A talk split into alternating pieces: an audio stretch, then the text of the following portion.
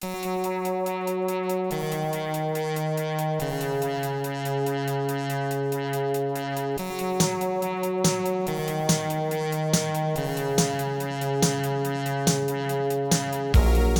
to First Draft with me, Sarah Enni. Today I'm talking to Jessica Love, co author of Push Girl and author of In Real Life, due out in 2016. Jessica is aptly named because she radiates a positive energy. Tall and strikingly blonde, she could seem imposing, and probably does in the classroom where she teaches high school English. But the minute she flashes her wide grin and starts talking about her adorable dogs, you realize she's a total softie. Jessica and I became friends years ago on the internet when she was a book blogger and fledgling writer.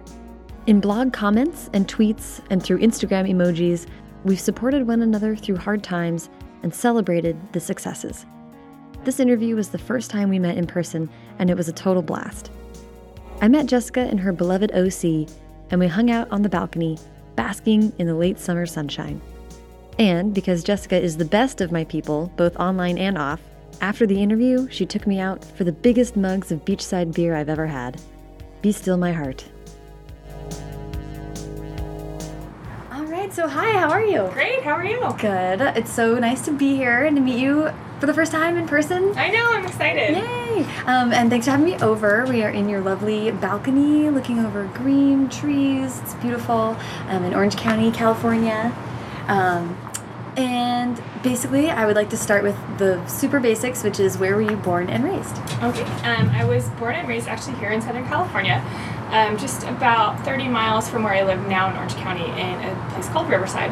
So it's uh, about 30 miles inland from here. So definitely born and raised in Southern California. I have never lived anywhere else except for here. Yeah, okay. Um, I like that. We'll get back to that. Um, when did you start writing? I've always been a writer. Been a writer for as long as I can remember. Um, actually, growing up in elementary school, middle school, I had a lot of pen pals. I had probably at one point up to 50 or more pen pals that I wrote letters to all the time. Um, so at any given moment, I was writing a letter to someone somewhere else in the country.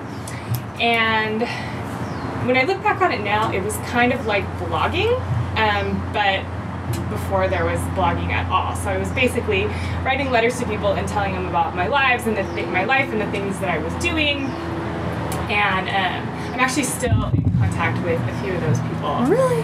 today. Yeah, which is really cool. And so that's when I I spent most of my that was the writing that I did most of the time in my younger days was writing pen pal letters. And then after that, I did turn to actual blogging once that was a thing, and I had. Um, a pretty popular blog for a while um, that because of this and that I had to kind of shut down, um, which was too bad.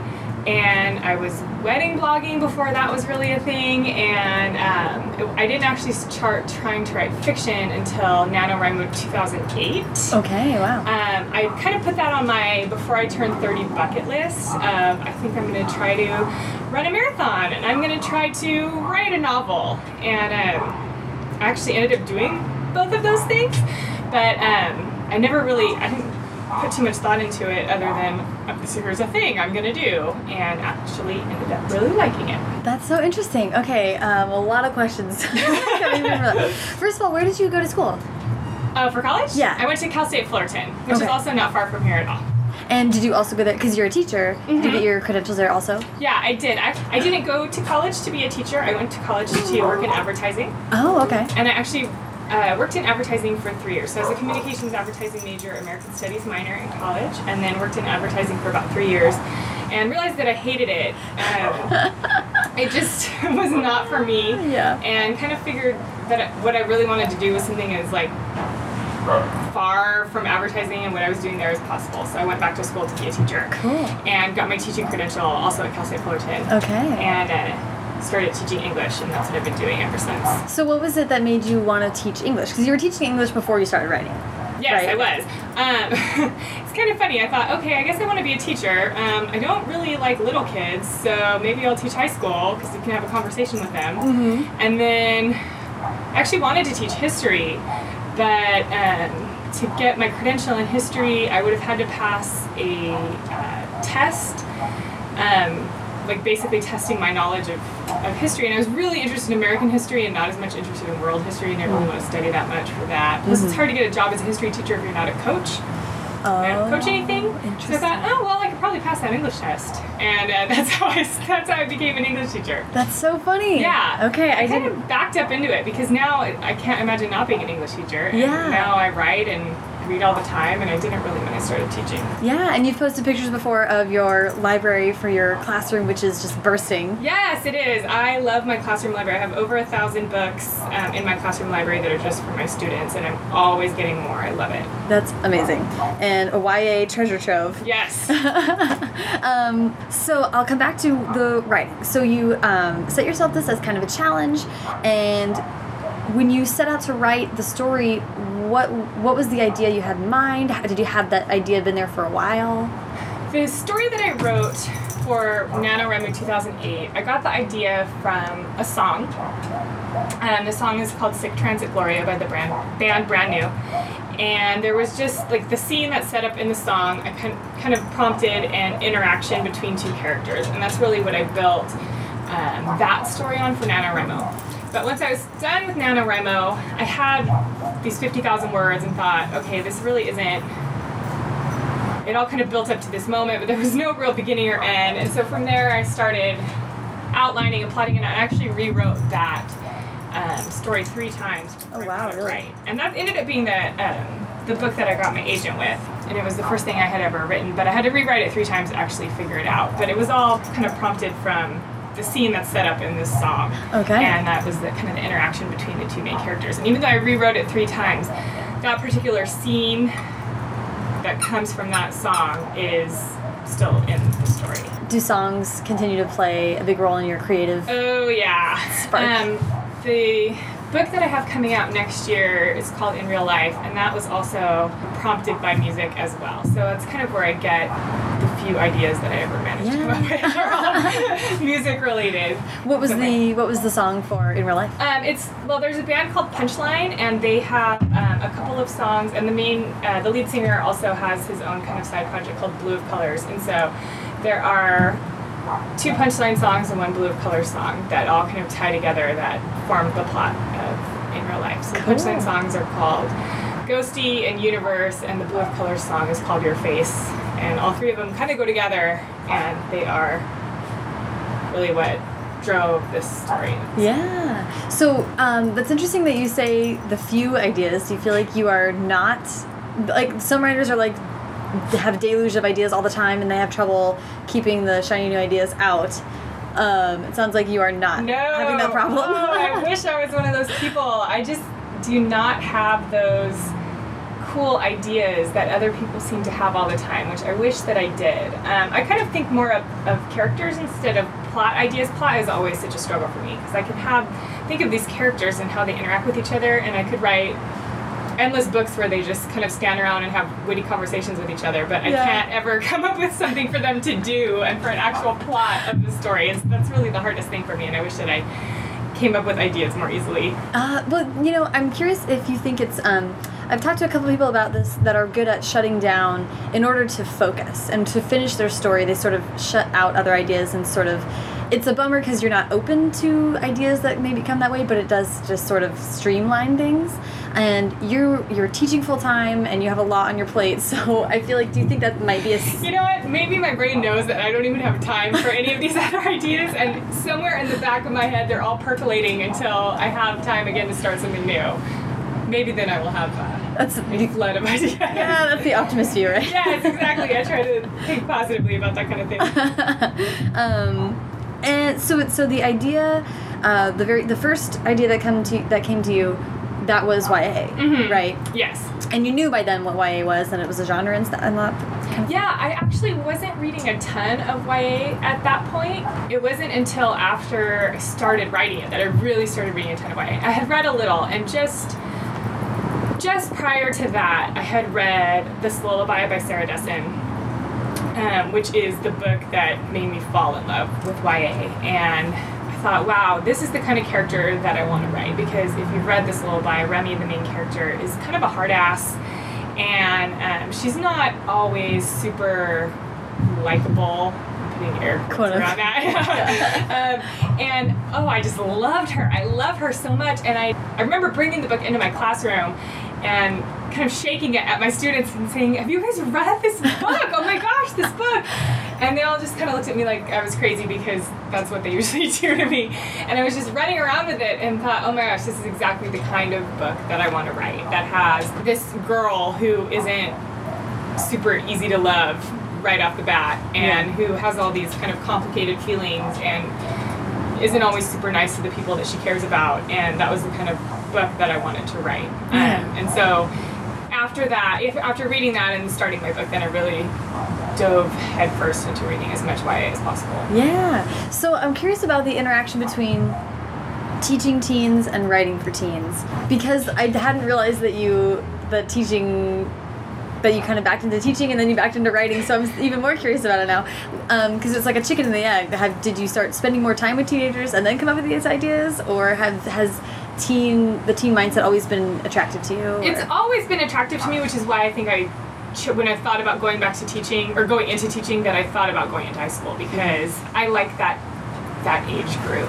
I like them a lot. They are um, complicated and kind of crazy and have some really interesting changes that they're going through. And so I really liked that, and I like being able to spend time talking to them and hanging out with them. And then I really enjoyed my job, and then started reading YA and thought, oh my gosh, this is kind of a way that I can bring all these things together.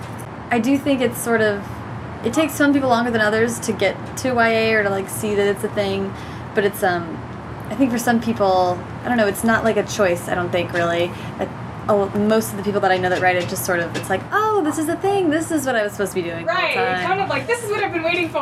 Yeah. I just needed to discover it. Yeah. Yeah. The fact that you are teaching teens, how does that, do you think that that gives you like a leg up in some areas when you're writing them? Well, it helps me it definitely helps me stay up on how teens are talking. Yeah. Um, so it helps me with dialogue a lot because I really am immersed in how teens actually talk and the things that they actually talk about and the things that they actually say because I hear it all the time. Yeah. You know, I don't take their stories from them. Right. But I am inspired a lot by the things that they go through. Yeah. It seems to me from the outside that you're the kind of teacher who is like open door and like will wants to talk to kids. Yes. I try real. really hard to be someone that they can come to if they Yeah. need. Yeah, that's awesome. Um, I also always like instantly favorite your tweets where you're like, My, the kids are starting to say this now or whatever. Oh, I know. like updates from Jessica. Yeah. Word on the ground. Here's what they are saying now. I know. I like to uh, stay up on the um, teen lingo. So Yeah. I get excited when they start saying a new word. I'm like, oh, tell me what this is. I try to decipher it. You're you're helping us all. Mhm. Um, uh, and then the other thing about teaching is that it does like not only does it take a lot of time, and I think some people may not understand that because it is just sort of like normal working hours, but then like all the stuff you do after hours and and so much like brain power. So how do you write while you're in the middle of all that? That's really difficult because, yeah, it's a normal work day that I'm in front of kids in the classroom, but then there's all of the prep and the grading that takes place after hours. Um, also, like a lot of writers, I'm a huge introvert, and so I have no problem being in front of the classroom, but it completely drains me. And by the end of the day, I mean, I honestly kind of collapse into my chair after the last bell rings and sit there for at least 15 minutes and just stare at the wall because I, I'm just, I need time alone to recharge. And so it really is difficult because, especially the past two years, I've been teaching middle school. And so coming from teaching high school, I had expectations that it would, you know, I was very used to teaching high school and I thought, oh, it's going to be the same. And uh, it was not. It was much more demanding mentally Really?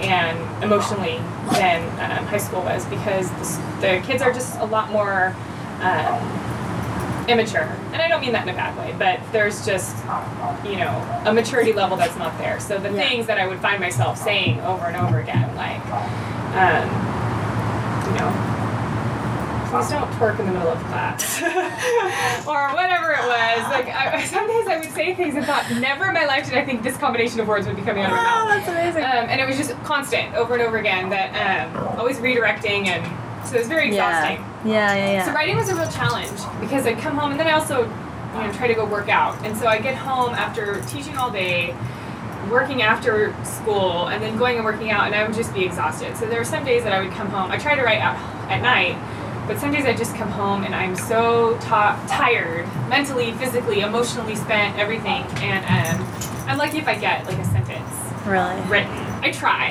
Yeah. I would always try, but then sometimes I would just give up and I would just read instead, um, or just fall asleep on the couch Yeah. and do my writing on the weekend. And so because I don't have kids, I'm able to on the weekends just go to Starbucks or go to Panera or just kind of hide away and work for several hours at a time to make up for the time during the week that I didn't get anything done. Yeah, and I mean, do you find that that obviously seems to be working okay? I mean, it's been really nice as a part of this podcast series to hear how many people, how different their schedules are, and how Mhm. many people have just been like, it doesn't matter. Like, you know, writing every day is a great ideal, um, but it just isn't a human Right. possibility. It's just not possible for everybody.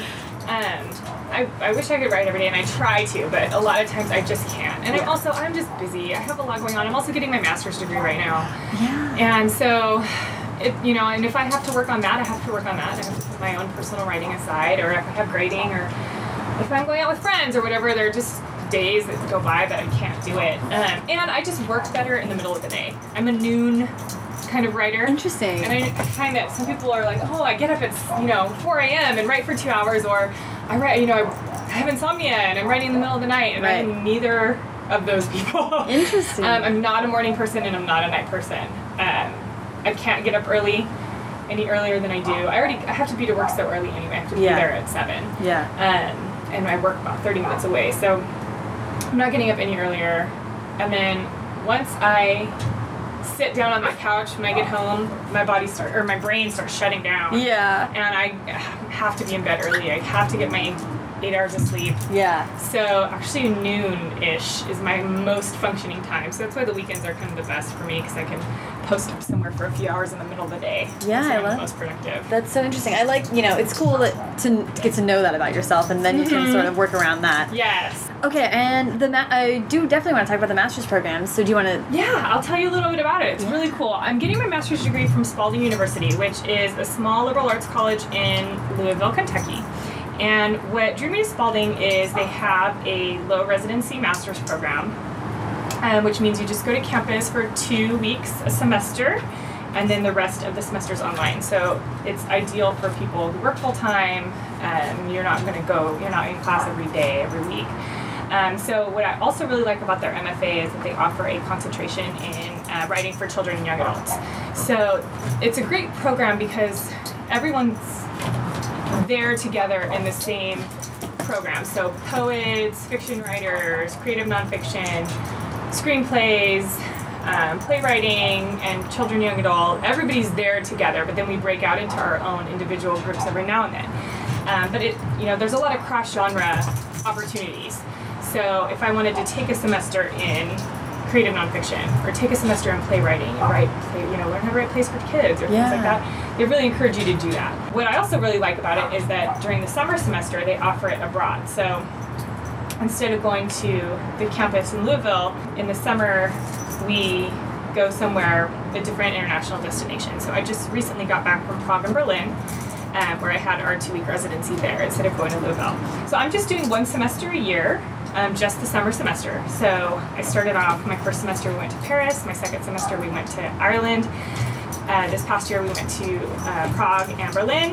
Next year, we're going to Greece, and then I'll graduate in Rome. So Oh my it's gosh. really, really cool. I never did a study abroad semester in college. I wish I would have. This is my way of kind of making up for it. So we spend two weeks um, in an international destination, and then we have an extended semester because I only do one a year, um, where it's a nine-month semester instead of a six-month semester to get all my work done. And it's all done online, and I just send work back and forth with my mentor, and um, I'm working on my critical thesis right now. So Oh, really? yeah, Um, it's gonna be fun. yeah. So I was gonna say, what kind of work are, are do you do with them? Well, my first semesters were spent working on my own creative writing, and then I would have to write eight to ten short critical essays per semester. So I would just choose a book, find something about it that I wanted to respond to critically, and usually take like a craft book to pull something from there, like what does this craft book say, and then how does this book either do or not do that successfully. What do you mean when you say craft book? Um, like a book like there's a great book called Story by Robert McKee, which is actually like a um, screenwriting, but has a lot of really great, you know, plotting and writing things in it. Um, the art of fiction. So just like really Okay.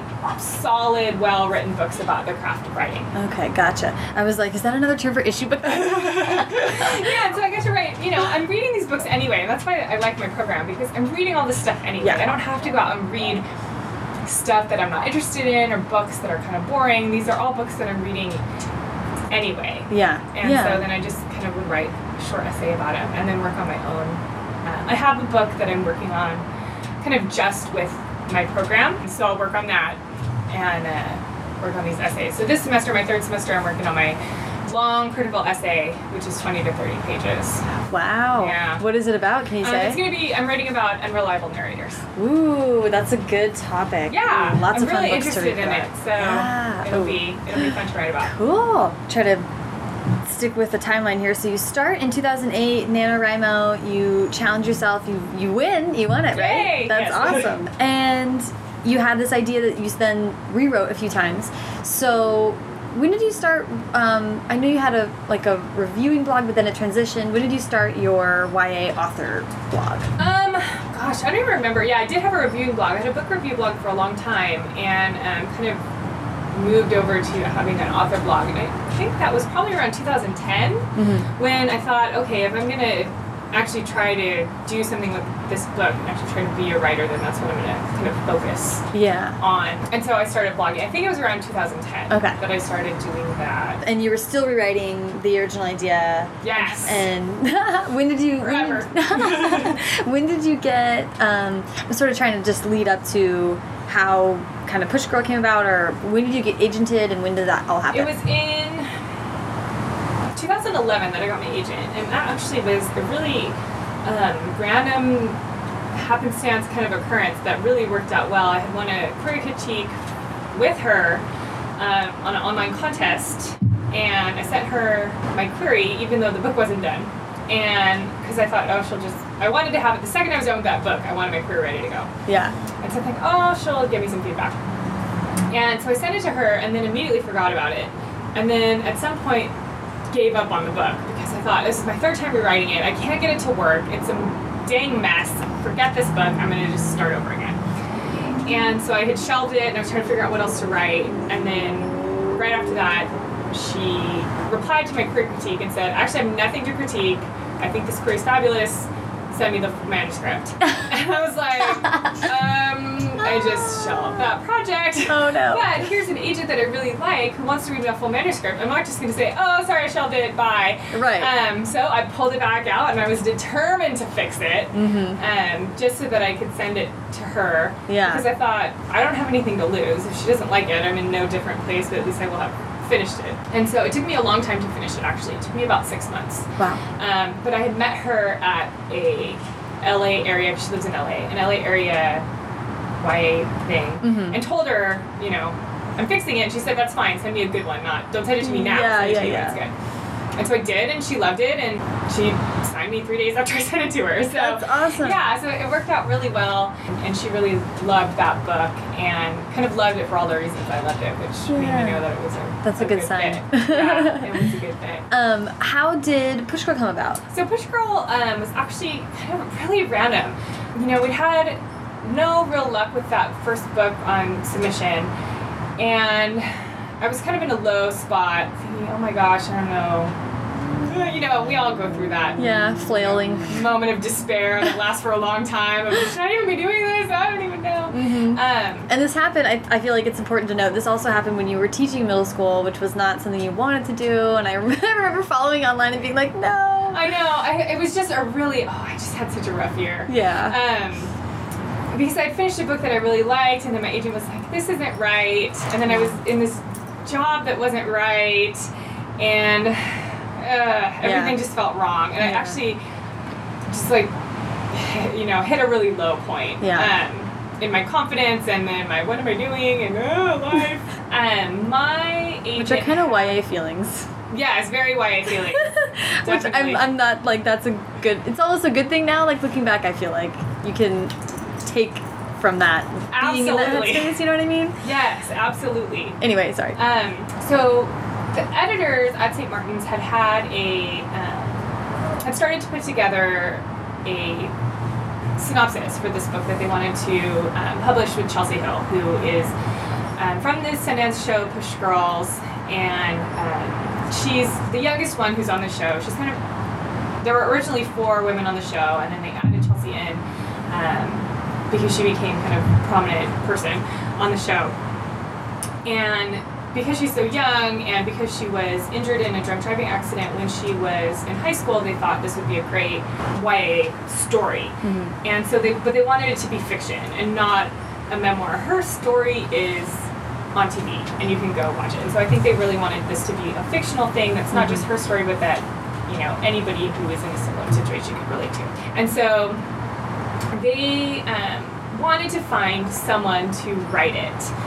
And what I really liked about this project was that it wasn't just ghostwriting, you know? Yeah. And a lot of books that are have celebrity names on them we know are, are actually written by someone else. But this one, they really wanted to find an author who was like a debut author, whose name would be on the project, who would be really involved and, um, you know, be attached to the project publicly. Yeah. And so my agent had been talking to one of the editors at a conference and, and really thought of me right away because it's kind of similar to stuff that I had written before.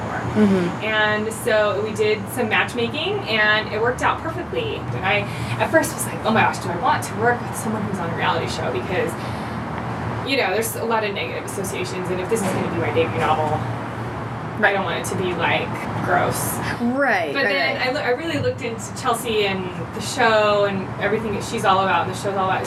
And she's so positive and she's such a great role model. And she was definitely someone that I'm proud to have my name yeah. attached to. Can you give just a little bit about the show and just Sure. So the, the show Push Girls on um, Sundance Network is a reality show that follows around these women who are all in wheelchairs. All of them but one were injured in car crashes of various kinds. They have been living in wheelchairs for the other four women for a long time. Um, they're all in their 30s or 40s and um, have been at least 10 years of, of life in a wheelchair. So the show isn't how can I get used to life in a wheelchair? The show is this is my life. I'm in a wheelchair, but I'm also an actress or a model or, you know, living in LA and being awesome. Yeah. And so that's what I really liked about the show is that it wasn't It's not like hoarders. It's not like right. like they are they're telling their own story. It's not a weird lens like sneak peek into right. some secret like- world. It's- Right. And it wasn't like, look at these tragic stories and these poor women. I mean, these women are out kicking ass every day, Yeah. And so I really liked the show. Yeah. And um, so this the book Push Girl is going to be, I knew it was going to be kind of the same thing. Yeah. And so I was really excited to get a chance to get to know Chelsie and talk to her about her story and really um, get that out there in a YA book. Yeah. How long did that? I'm curious about how long it took and how much you and Chelsie collaborated on like the idea and the actual writing. How did that whole thing come go about? It did not take a long time at all. I did not have a long time to work on this Ah, book. Um, it actually went really fast, a lot faster than I'm used to writing. It took me three and a half years to rewrite my other book, like Yeah. three times. And, you know, there was no deadline. And this, I really had a, a really quick timeline. I started the first word in April, and I turned in final editor revised. We're after working with the editors draft sometime around October. Wow. Yeah. Yeah. That's pretty quick. Yeah. And but it's sort of over like a summer break ish for Yes, you. yeah, I did, but I was also in Ireland for my master's residency. and Right. Doing a lot of traveling that I had already scheduled. Yeah, and school and everything. So it was over break, which was really nice. Yeah. And I had long hours on planes and, and Sure. that kind of thing to to get some stuff done. But um, it was pretty fast. Um, it's amazing how quickly you can write when you are under a deadline. It's Right. amazing the things that you can make happen. yeah. Um, so I, Chelsie and I um, emailed quite a bit and Mhm. talked on the phone quite a bit, and then also she she has a, she's uh, does motivational speaking. That's you know what she does, Mhm. and so she has a lot of videos online, and those were really helpful too. Yeah. When I um, just kind of wanted a sense of who she was. You know, I didn't necessarily have a direct question for her or need a specific story. I Mhm. just wanted a sense of who she was and, and her vibe. I can Like her voice, you know. Yes, trying to- exactly. yeah. So, I mean, it was good because it's not a memoir and it's not a biography. It was just, it's a fictionalized story. It is a fictional character um, based quite a bit on Chelsie's real life, but the character wasn't going to be Chelsie. Yeah. And so that was, um, that was kind of good and it, it took some pressure off of me to make it exact Right. um, because then I was able to also look at a lot of other videos on YouTube and look at a lot of other people and really try to get everybody's story in there. So she um, was pretty involved in the general plot, like synopsis, Mhm. um, and then I went to her a lot with specifics Yeah. to get details and stuff right. Yeah. So that was really important. Yeah, right. That's what I was gonna say. Another challenge is um, you are an able-bodied person writing a disabled person's story. So Mhm. how did you sort of balance that and try to stay respectful? Oh, that I mean, that was one of the scariest things I've ever done. Yeah. Um, I was really terrified, and I think that fear is what helped me do a better job Mhm. because it was so important for me to get it right. Yeah. Um, I the last thing I wanted was for people to read this book and feel like it wasn't authentic Yeah. to the experience of a teen girl in a wheelchair. Yeah. And you had a great beta reader built in with, because of this project, so that's great. yeah, exactly. I knew that you know Chelsie would have to be okay. Her name is on this, and Yeah. so she had to feel okay with everything that was in it. And so I did as just as much research as I could. Mhm. Um, when I first started writing it, I thought, okay, I'm gonna really have to try to make this feel true to everybody. But as I did more research into disability and wheelchair users, you know, there are some people who use a manual wheelchair, and there are some people who have a power wheelchair. Mhm. There are some people who are in a wheelchair because of an accident, like Chelsie. There are some people who are um, born with a disability and use a wheelchair not because of spinal cord injury, but because of um, you know heart disease or you know various diseases. And there's no way that I could write a character that would be authentic to every single one of these people who use a wheelchair because Yeah. everybody who uses a wheelchair it's their experience is so different and so that was a really hard thing to deal with because Yeah. i wanted it to be right for everybody and there's just no way that it could be right for everybody so i had to really focus then back on okay this is a fictionalized story about chelsie's life so i'm going to try the details will be specific to chelsie's experience Yeah. but i'm going to try to at least get the emotional stuff Mhm. as accurate as I can. Yeah. And so that was my focus then of, of trying to think, okay, well, the specifics of the injury and the specifics of her disability and the specifics of her wheelchair use aren't going to be universal, but I can try at least to capture the um, emotional stuff. Yeah, yeah. Well, that's and that's huge. That's really I think important to to talk about and to hear about and all that stuff. So um, yeah, I'm glad you could share about that. So where in, of course, this was super exciting project, your debut book. Um, on the other hand, it's not your original material. So how did you and your agent continue working on getting your original stuff out there? So yeah, exactly. And I was I was really excited for this to be my debut because I do I like this book. Mm-hmm. Um, but it's not, you know, what I would have written if I had the choice to write about anything more, just because I don't, I didn't know a lot about it. Now Right. I know more, and I think it's really cool, and I like it. But um, I had been working on a book. I think I, I mentioned earlier that I'd sent a book to my agent. She said it wasn't quite right, and that Mhm. kind of broke my heart because I thought, oh, this is the book I want write. Oh, you're killing me. Yeah, yeah, yeah. Book of my heart. Yes, exactly. And so, and then I had to put everything else on um, to the side to work on Mhm. Push Girl because of really fast turnaround the, the strict timeline. And so, when I was finally done and had turned everything in, I went back to that book and tried to fix it because something was wrong. It wasn't working, and I worked and worked and worked and got it done. And sent it back to my agent, and she was like, "Eh, still not right." Oh. And then I thought, oh my gosh, can I write a book? Oh, no. At all? And so um, I fixed it again, and then finally nailed it. Yay! That's awesome. and so what was cool is now that I now I have a relationship with an editor at St. Martin's, and she loved my writing, and so um, she ended up buying that book, which was really great. So I really liked that this that Push Girl helped me get a good relationship with an editor who I love and a house that I love working with. Yeah. And um, they were really open to my own stuff. Cool, cool. That's really cool. First, give a little. Do you mind giving a little description of what In Real Life is about? Sure. Um, I think I think of it kind of as um, Catfish meets my best friend's wedding over a weekend in Vegas. So it's about these two best friends who have been friends online and talking on video chatting and on the phone for four years, and they've never met. One lives in Las Vegas, the other one lives in Southern California. And um, the girl Hannah decides spring break of her senior year that she is going to go to Vegas and surprise him, and um, kind of declare feelings for him because she's kind of realized that she kind of likes him and more than just best friends. And she gets there and discovers that he has been um, keeping some secrets from her, and there are some things that he wasn't completely honest about. She finds out when she gets there. So Interesting. Then antics ensue yes. in Vegas. yes. Um, I have so many questions, but first, first, what was? I'm super curious because it is a contempt. What was not working before? What were you actually tweaking the whole time you were rewriting it? Well, the first time was my original idea was that the entire book would take place um, as the road trip driving from California to Vegas, and that the book would kind of end up with them meeting, and that didn't really work, and so I cut down a lot of the road trip, but the, it was still too much road trip. Um, too much road trip and too many flashbacks. Oh, um, yeah. because I really wanted um, their four years of friendship to be a part of the story, but it was really hard to do that with where it started. Mm-hmm. Um, and so that has been my struggle: is how to work in flashbacks and these years of friendship into the present day timeline. Yeah, yeah, And yeah. that was really the struggle. Okay, that's I, that's super interesting. I also have a problem with where to start stories. Yes.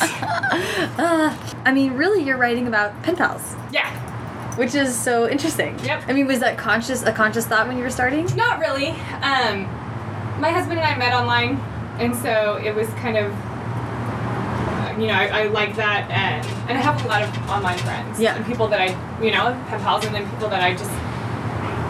Most of the people I hang out with, I met online originally, Yeah, yeah.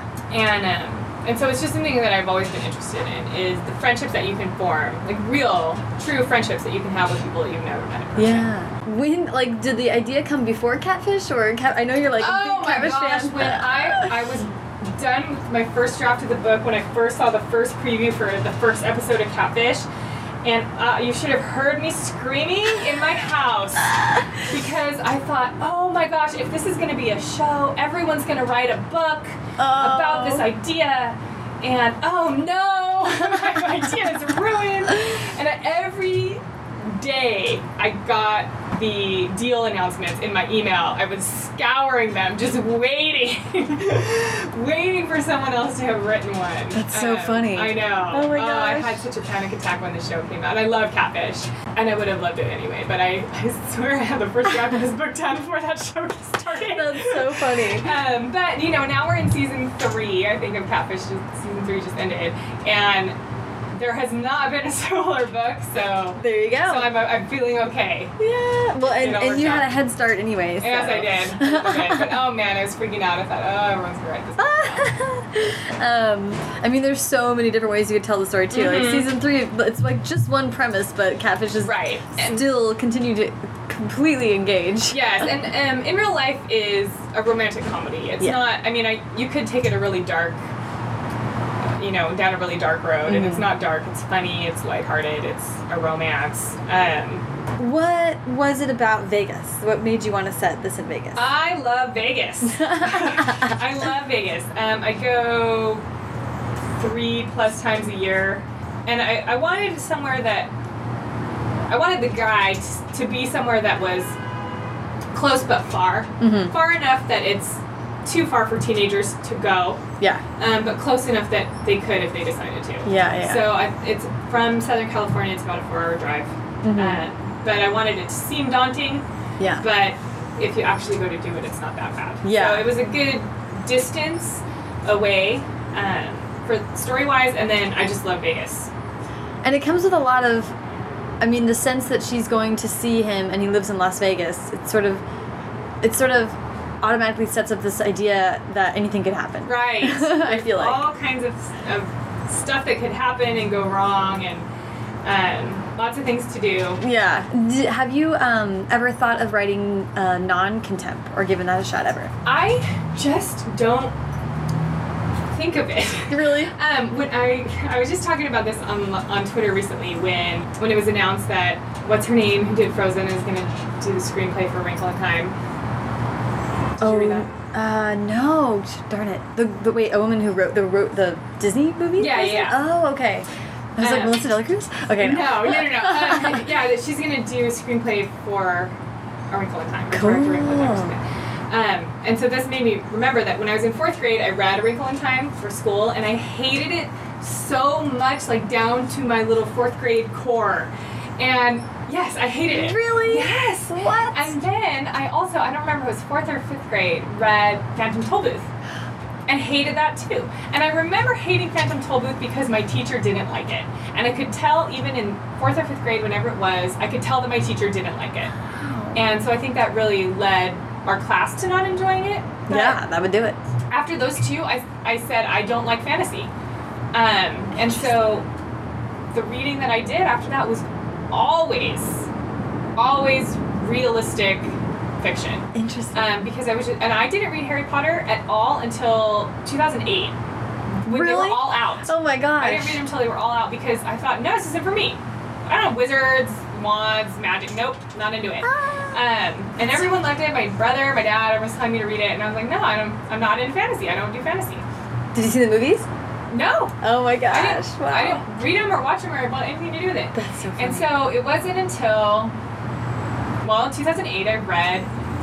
Well, I read Twilight, of course. of course. Um, of course, loved me some Twilight, and Mm. so, but still, Twilight feels very realistic. it's, you know, yeah, yeah. Vampires are almost like, yeah, yeah, yeah. right, you know. But so it wasn't until I finally broke down and read Harry Potter and just loved it. Yeah. um, that I started opening my mind to more fantasy. But now, as a writer, when I read fantasy, I'm just thinking, or sci-fi, or you know anything. I said, how do you come up with this? My brain just does not work that way, and I Yeah. don't know if it's because I just didn't read any when I was little and my brain was developing Yeah. and these kind of things. But it, I would love to. I kind of got like a fantasy-ish idea that I tried to play around with, and um, I might still go back to it. But I just my brain does not work that way at all. That's so funny. I don't even. I love reading it. Like, I love Daughter of Smoke and Bone, for example, Ooh. which is. I mean, this is so not in my alley. Like, like there are characters with hooves and horns. And Yeah. like, no, I'm gonna hate this, but it's so good. Yeah. And so I'm definitely open to it. I just don't come up with those ideas at all. It's funny because so many people who come up with these crazy. I mean, Sumayyah Daud writes like cyberpunk and these Mhm. am- amazing epic, and she tells me her story ideas, and I'm like, what in the world? Like, how did this occur to you? Right. And she is constantly like, like reads my books and loves them, and she's like, but how do you make things happen? Right. She's like, I don't get contempt and why some contempt is so engaging. She's Uh-huh. like, when I, I have to come up with an evil queen or it doesn't work. Right, right. So Someone's life literally has to be on the line Yeah. for some people, and I just cannot. I wish, I wish I could come up with these cool, Yeah.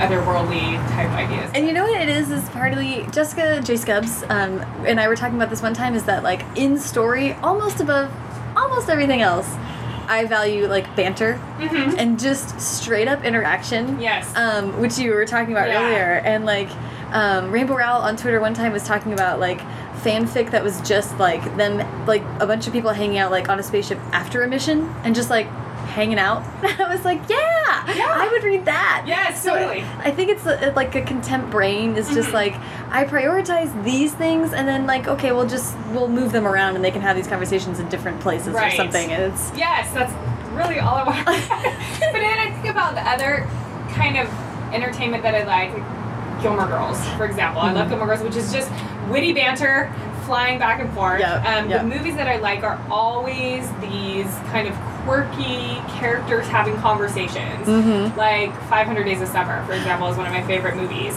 And you know, It's just not a ton happens in that no, movie. just walking around LA. Yeah. and yeah. Um, having relationship issues. you yeah, know, right, angst. angsting at each other. Yeah, exactly. Totally. So that's the kind of entertainment I'm drawn to across the board. yeah. And so that's kind of what I find myself. Um, I just watched the final Gilmore Girls last night. Ah, I, I, I had never seen them before, so I watched the whole thing. I feel like, and I was totally like, I was like finishing my day job stuff and watching it in the background, and I was like, tears. Yes. Oh oh, so good. I need to do a rewatch. Ah. Yeah, saying goodbye to Stars Hollow was was rough. Yeah. Like, what do I do now? Um, so okay, the I do want to talk about like place, talking talking to um, everybody about where they live and place and setting and how those things kind of factor in. So I want to ask a couple things because since you've lived in Southern California your whole life, um, and and seem not like you're interested in leaving, which is cool. you found your people, your place. Um, but w- where are all of these pen pals that you're still in communication with? I feel like you sort of have had experiences of these other places through such long-term communication with someone living those experiences. Yeah, I I mean, when I was younger, was writing letters to people all over the country. I mean, I had. Was it all within the U.S. or were there Uh, any mostly. international? I don't think I had any international pen pals. Okay, that would get expensive. Yeah, it would have. Because we sent like packages to each other. Wow. That's actually why I stopped doing it because the packages got so elaborate that and I was like in high school. I'm like, I can't afford this. I Yeah. can afford a stamp or two stamps, but then they got into packages, and I thought, oh my gosh, I can't keep up with this. um, I'm poor. Ah, yeah. Um, I'm a high school student, but um, you know, I had pen pals in uh, South Dakota, Illinois, Hawaii, um, Washington, like it's just everywhere. How did you over. get connected with all them? Um, so have you heard of like slam books? Yeah. So oh my gosh. that's like I don't even know how I got my first one, but like people put their address in them, and then you just start writing them, and you're like basically like, hey, will you be my pen pal? And they say yes or no, and then you start writing a letter. Oh, maybe I don't know what slam books are. Well, because you think about slam books as like Mean Girls. pass them around your school. yeah. So these are it was the same kind of thing, but you mail them to each other. Interesting. Yeah. This it's is like so there's a whole other world that you didn't even know existed. Yeah. Oh my god. Well, that's the same with fan fiction. I'm like, guys, you're having a party and I didn't Yes, know exactly. about it. Um, that is so fascinating. I love that. Yeah, I wish I had some around to show you because they, I mean, we would spend money on like the personalized labels, you know, address labels, Mhm, but mhm. I had over 40 different types of labels Wow. with little sayings on them and you would get labels like with your friends Mm. then you have both your names on them to like show who you're friends with and Wow. oh yeah That is just so incredible. I it was a whole world um, that I was really really involved in and where, who, um, the people that you're still in contact with, like, where do they all live? um, the person I talk to the most is in Illinois Okay. and then one of them is in Pennsylvania and then I got back in touch with quite a few on Facebook so um, That's like easier, no packages. Right, exactly. No packages. and uh, you know, we don't have to send long messages to each other. I can just Mhm. kind of check in and yeah. comment back and forth. That is so neat. I mean, and I love that you translated it sort of to blogging and Twitter. And I mean, like, what you were doing then has been adopted now, like, Mhm. like in a, on a huge scale, but in smaller, more like Right. easier to handle methods, kind Mhm. of. Yeah, and I can write one blog post versus however many individual Yeah. handwritten Yeah. letters that sometimes got really long. Yeah, yeah, yeah. Oh my gosh, I can imagine. Um, so, I mean, how did communicating with people all over the country like that sort of, do you think that played into ideas of setting or place when you're looking at it creatively? You know what? Not too much because what we would write about really was the stuff that was just universal Mhm. to you know it was always about shared experiences that oh i like a guy i like a guy too and it Mhm. wasn't too much and i don't know if i just wasn't as aware that where i lived was unique Mhm. you know because i think now having traveled a lot more i see the differences between southern california and other places in the country that i don't think i was aware of then Yeah. because that was just where I was born and raised, and I hadn't really been anywhere else. Yeah. And now I think, wow, I live in a place that's really different Yeah. from a lot of these places where I used to be in touch with people. And I didn't know that, and I don't. I think maybe they didn't know that either. Yeah. Um, being a lot younger, that you don't Yeah. really realize that your home is really different from the homes of a lot of people. I had a a kid write my class a letter, um, and he was from a really, really, really small town in Ohio, and his, his teacher gave him a project. They, he gave the teacher gave the class a project to like pick another eighth grade class and write a letter to them to practice their letter writing skills, Okay. and then invite us to respond. Uh huh. And so I told my class about it, and I read them the letter, and we looked at this town, and he was from a town in Ohio that was so small. Our school was half the size of their entire town, like just our middle school, seventh and eighth grade only, was half the size of their entire town in Ohio. And I was trying to explain this to my students Yeah. that he's telling us what is going on in his city. They have you know, he says that we're a one stoplight town. Yeah. And I said, you guys, do you know what that means? That there Yeah. is one stoplight in their entire town. Yeah. And um, they had a hard time wrapping their heads around it. Yeah. Because where they live isn't like that at all. Yeah. And but they have no experience with anything else. And so I think when you are younger and you haven't traveled a lot, um, or you just haven't been other places, you don't really notice the differences Yeah. between where you live and and what makes it unique. Okay, but I do also want to talk about all the traveling you've done internationally. I mean, do you feel like you would want to set a story in another country or? Oh, I would love to. Um, I would love to, because I think there's just something so magical about capturing the spirit of an international place Yeah. um, in a book, Yeah. and having that be something central to the story.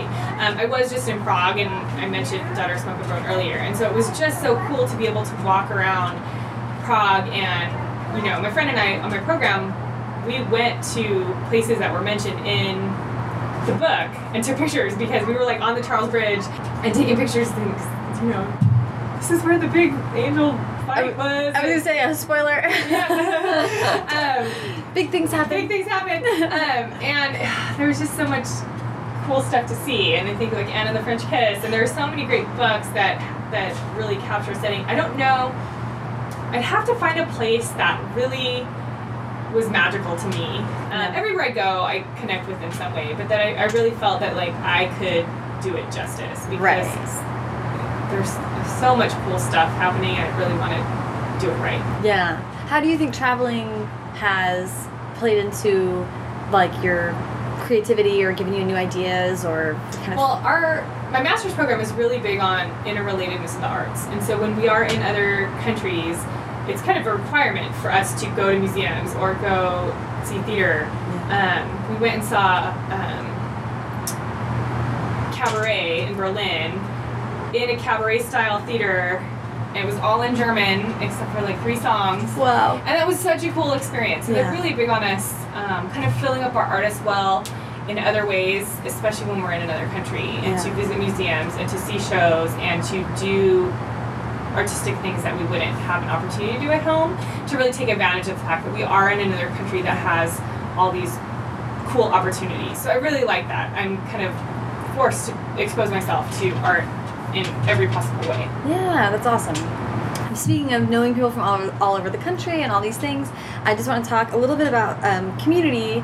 And I mean, you sort of started reaching out to writers online with the blog and, and Twitter and all that stuff uh, right around the same time that you were even starting to write.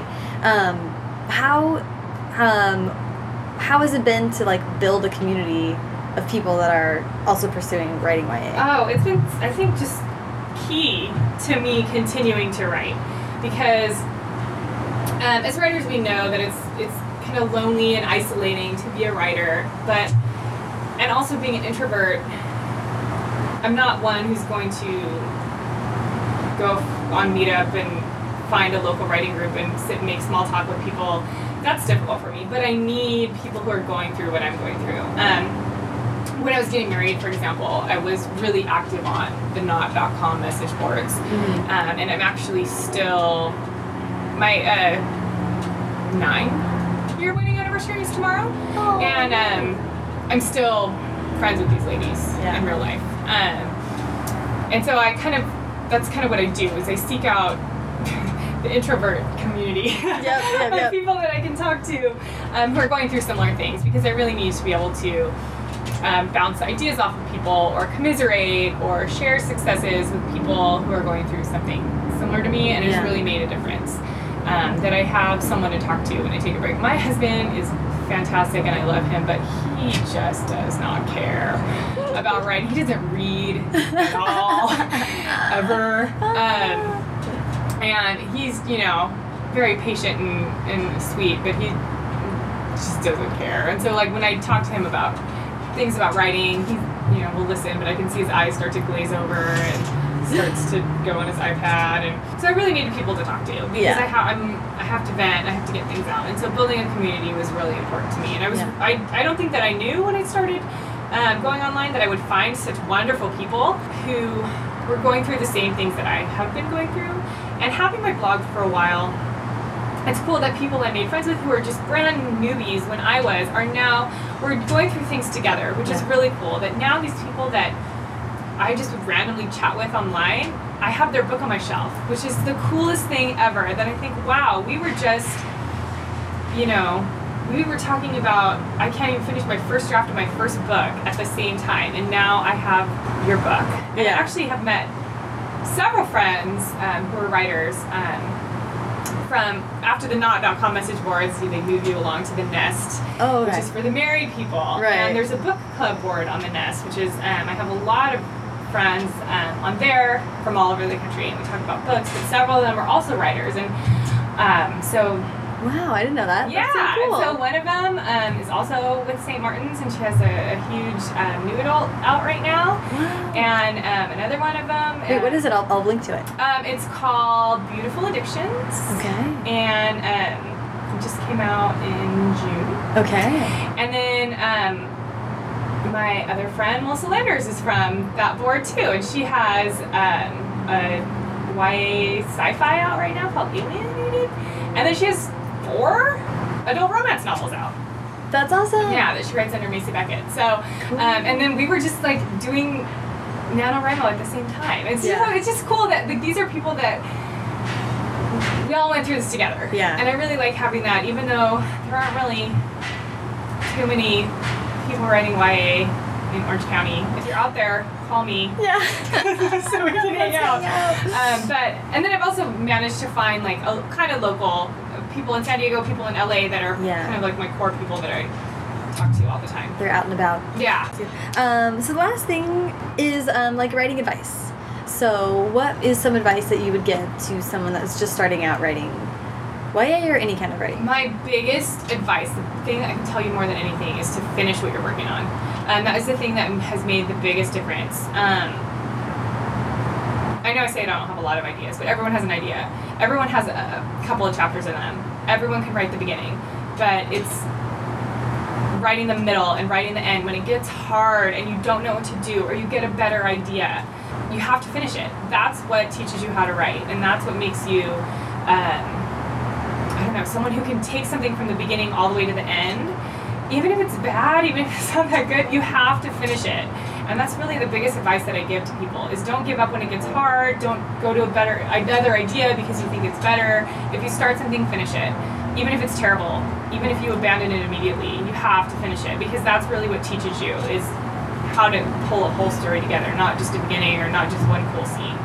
Um, and the other thing, the other piece of advice I have is if you want to write, you have to write. um, I have a lot, I have a lot of people come up to me now that I have Push Girl out, saying, "Oh, I've always wanted to be a writer, but I don't have the time." And I'm thinking, "What do you think I have? Extra days in my life?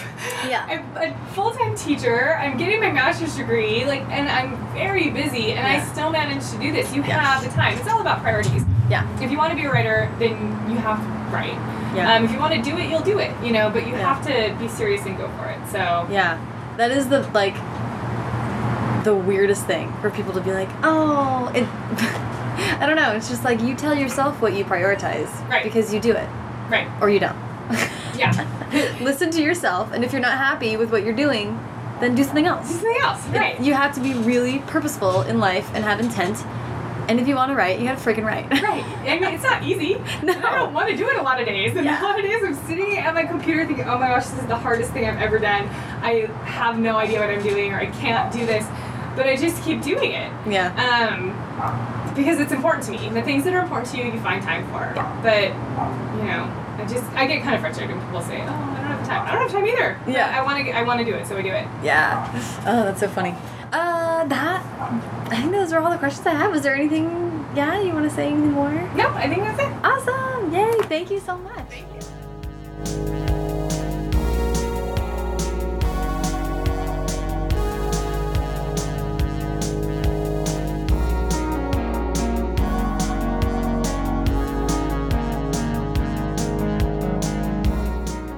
so much to Jessica.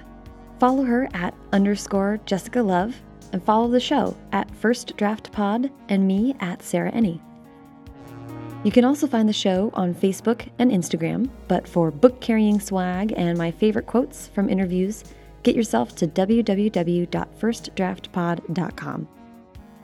If you like what you've heard, consider leaving a review on iTunes. It's the equivalent of a human sacrifice to appease the twisted iTunes algorithm, meaning it helps get the show recommended to the right people with human sacrifices. What? Thanks to Hash Brown for the theme song and to Colin Keith for the logo. And thanks to all of you who listen through these increasingly bizarre credit sequences. I love you.